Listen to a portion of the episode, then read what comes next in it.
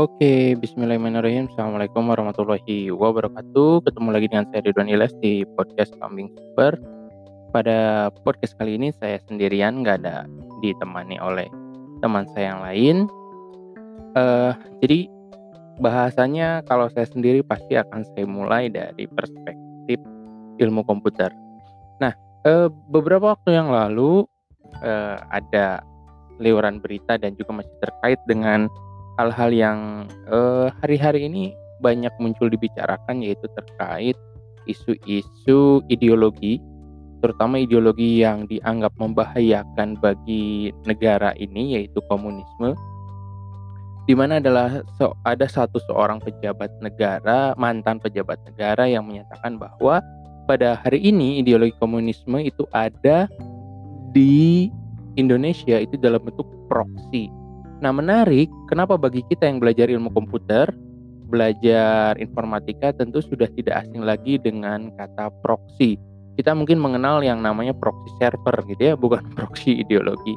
Nah, di ilmu komputer, proxy server itu kita pakai ketika kita ingin menghide apa yang ingin uh, kita akses. Maksudnya gimana? Misalnya kita mau mengakses situs eh, ABC Nah, tiba-tiba eh, layanan internet kita memblokir situs ABC tersebut. Maka kita menggunakan layanan proxy server melalui situs XYZ. Jadi kita mengakses situs XYZ. Nah, jadi eh, eh, provider internet kita tahunya kita mengakses situs XYZ. Ternyata situs XYZ ini berperan sebagai proxy yang menghantarkan informasi yang ada di situs situs ABC ya teman-teman pasti sudah biasa lah ya ada bidang ilmu komputer. Uh, kita juga bisa bikin sebenarnya proxy server itu ya mungkin nggak sulit lah ya seharian kayaknya cukup. Yang penting kita punya satu server ada OS Linux di dalamnya terus kita harus punya IP public nanti bisa dilengkapi dengan domain. Kayaknya nggak sulit sih ya kalau basisnya Linux bikin proxy server itu eh, nggak lama lah ya. Nah Uh, itu secara teknis nggak akan saya bahas di sini banyak tutorialnya di YouTube ataupun di blog-blog lainnya bagaimana bikin proxy server. Tapi dari sini kita bisa paham bahwa proxy server bekerja menyampaikan informasi dari informasi asal dia kemas uh, seolah-olah itu milik dirinya lalu itu dikembalikan ke receiver atau penerima informasi. Maka dia adalah uh, berperan sebagai proxy server Nah, lalu apa hubungannya proxy server ini gitu ya? Proxy ini dengan konteks kasus ideologi. Nah, maksud dari penyampaian proxy ini adalah bahwa hari ini ada orang-orang yang mengemban ideologi komunis di negara ini tapi dia bersifat sebagai proxy. Artinya apa? Dia hanya bekerja menghantarkan ide-ide yang dari luar. Seolah-olah dia yang menyampaikan itu padahal sesungguhnya dia itu hanya menyampaikan informasi yang ada dari luar. Nah, bagaimana uh, kita menanggapi ini semua? Kalau saya memang punya cara pandang yang cukup berbeda. Dalam konteks ideologi, memang kita bisa menilai ada yang bersifatnya proksi. Tapi ada juga yang sebenarnya bersifat real gitu ya. Bersifat proksi itu gimana? Kalau dia bersifat proksi, dia punya ide-ide dari luar, ide-ide ideologis.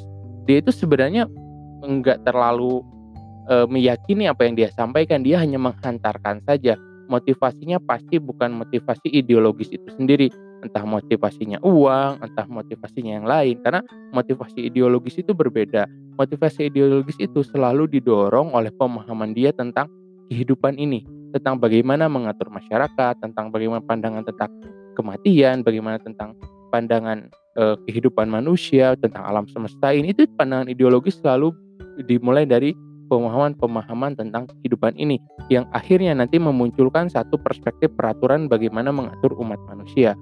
Nah, masalahnya kita perlu mengecek ketika ada seseorang menyampaikan satu ide ideologi, nah dia itu benar-benar kemudian meyakini ideologi tersebut atau hanya sebatas eh, menyampa menyampaikan dan kemudian ya dia punya motivasi yang lain kayak seandainya seperti proxy server kan adanya proxy server dia sebenarnya nggak nggak punya motivasi menyampaikan informasi dari ABC tadi dia cuma pengen situsnya diakses dapetin traffic ya mungkin dia bisa pasang iklan dan lain sebagainya gitu ya jadi dia nggak punya motivasi dari segi informasinya nah hari ini apakah memang fakta seperti itu ada? Iya, ada. Tapi jangan lupa bahwa di kita sendiri itu ada orang-orang yang memang mengemban ide ideologi itu dan dia benar-benar kemudian menjadikan ideologi itu landasan hidupnya. Meskipun mereka itu mendapatkan uh, informasi tentang ideologinya dari luar tapi dia menjadikan itu sebagai pandangan hidup yang dianggap benar dan dia menjadikan pijakan hidupnya. Jadi ada orang-orang yang punya ideologi dari luar kemudian menjadikan itu sebagai pandangan hidup yang benar. Dalam konteks tadi masalah komunis berarti ada orang-orang yang meyakini komunis itu adalah ideologi yang benar dan akhirnya dia menyebarkan itu dan ingin mewujudkannya itu. Nah, jadi e, kalau menurut saya nggak semua juga itu bisa dibilang proksi ya. Pasti ada orang yang memang mengemban ideologi itu karena ideologi itu nggak bisa mati. Itu ada di tengah-tengah kita. Kita bisa melihat eh, orang-orang yang terus menyuarakan itu gitu ya secara konsisten bisa kita lihat sebenarnya pengukurannya. Tapi nanti kita akan bahas di sisi yang lain. Kita hari ini bahas tentang proksinya itu sendiri. Nah, eh, di, di luar itu, di luar bahwa memang ada orang yang bersifat proksi, ada juga dia yang memang e, menerima atau meyakini ideologi itu dalam dirinya.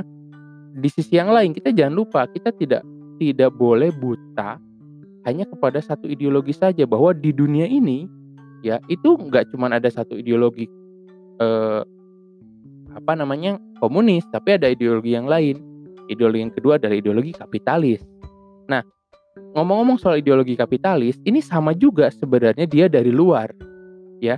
Ideologi kapitalis datang dari barat, datang dari peradaban Eropa yang kemudian sekarang leadernya ada eh, adalah Amerika, itu sampai ke kita dan bahkan itu diterapkan kan di kita. Kita perlu akui lah ekonomi kita lah kapitalis.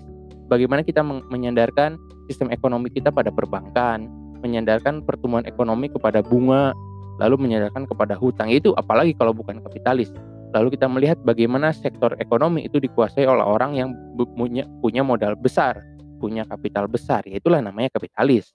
Nah, e, ideologi kapitalis ini datang juga dari luar, lalu diemban oleh masyarakat kita, negara kita, lalu diterapkan. Nah, apa apa kita bisa bilang bahwa kapitalisme itu dijalankan oleh proksi di Indonesia? Ya jelas tidak. Karena apa orang Indonesia menerima itu sebagai jalan hidupnya, menerima itu sebagai aturan yang diterapkan di tengah-tengah masyarakat, maka sudah tidak jadi proksi lagi dong, sudah mendarah daging dalam dirinya. Nah, maka menilai ideologi, bahaya sebuah ideologi itu bukan proksi atau bukan, tapi ideologinya itu sendiri berbahaya atau tidak. Kalau tadi misalkan ideologi komunis itu berbahaya dan sekarang dijalankan oleh proksi-proksi. Ya orang kapitalis juga ada kok. Ide kapitalis itu kan bukan murni datang dari Indonesia. Emang nenek moyang kita dulu mencanangkan bahwa sistem ekonomi kita itu dikuasai oleh para pemodal yang bisa menguasai sumber daya alam kan tidak?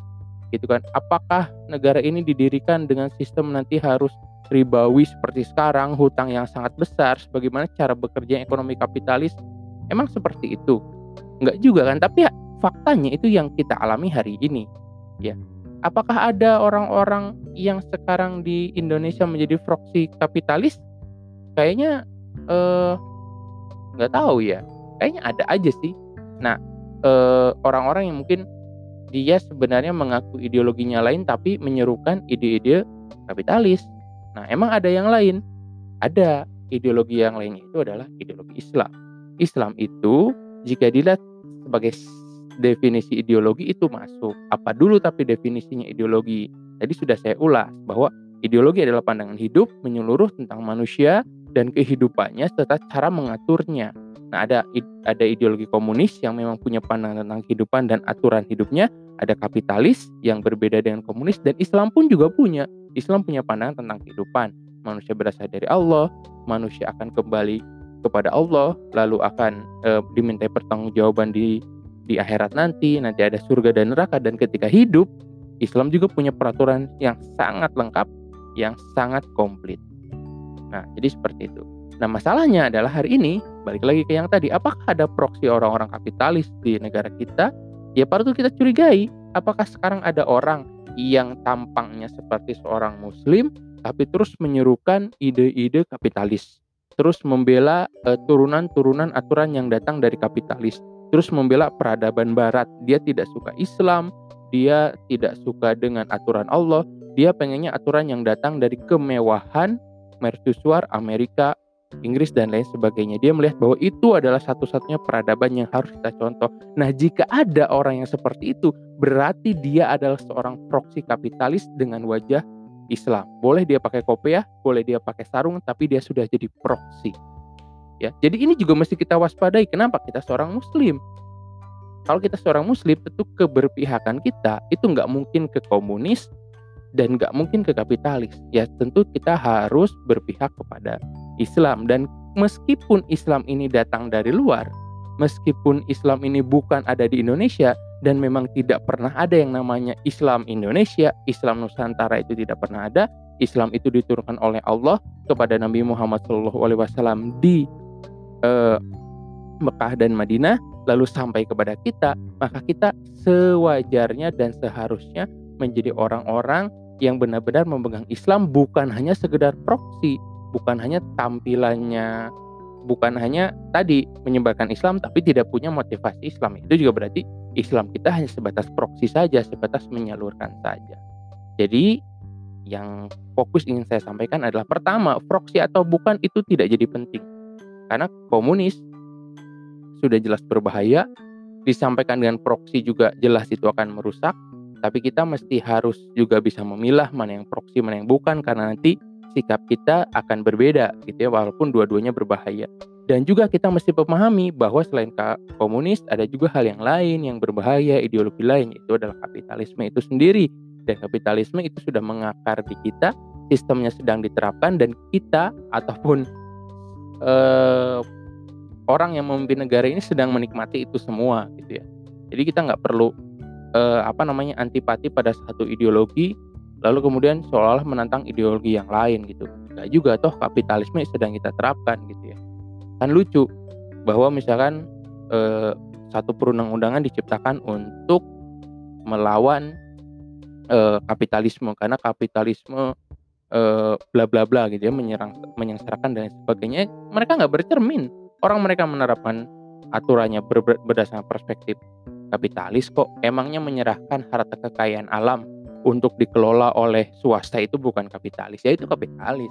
Nah mereka sudah jadi udah udah jadi orang yang sangat kapitalis tapi seolah seperti proksi wujudannya mungkin ya saya Indonesia saya harga mati tapi eh, apa yang disampaikan juga kapitalis. Jadi dia udah kapitalis murni dengan topeng eh, apa namanya eh, apa tadi Indonesia gitu ya harga mati. Nah kalau itu bukan proxy namanya, itu namanya uh, tunneling. Nanti kita bahas di sistem jaringan juga ada tunneling. Bagaimana kita bertopeng solo dan isinya sebenarnya apa? Nah itu namanya tunneling kalau di ilmu komputer atau di ilmu jaringan. Nah balik lagi, jadi uh, kita mesti tadi nggak peduli itu proxy atau bukan, kita mesti menolak itu semua. Dan yang lebih utama sebagai seorang Muslim, kita harus menjadi penyebar Islam dan berusaha mewujudkan Islam di kehidupan kita bukan hanya sebagai proksi yang hanya menyalurkan gitu ya. Kita dan nggak boleh punya motivasi yang lain selain ridha Allah itu sendiri. Walaupun Islam itu memang hadir Allah takdirkan tidak bermula di bangsa ini tidak bermula di negeri ini ya. Itu tidak jadi soal karena Islam bukan hanya untuk sebagian wilayah tapi untuk seluruh alam. Nah, itu Eh, teman-teman dari saya sekilas pembahasan tentang proxy antara proxy server dengan proxy ideologis. Nanti kita ketemu lagi di podcast Kambing Super yang selanjutnya. Saya sudah undang beberapa orang untuk bicara di sini yang punya wawasan yang sangat luas. Terima kasih. Uh, semoga saya bisa bertemu lagi dengan teman-teman semua pendengar. Kita tutup. Wabillahi topik walhidayah. Wassalamualaikum warahmatullahi wabarakatuh. Kambing Super.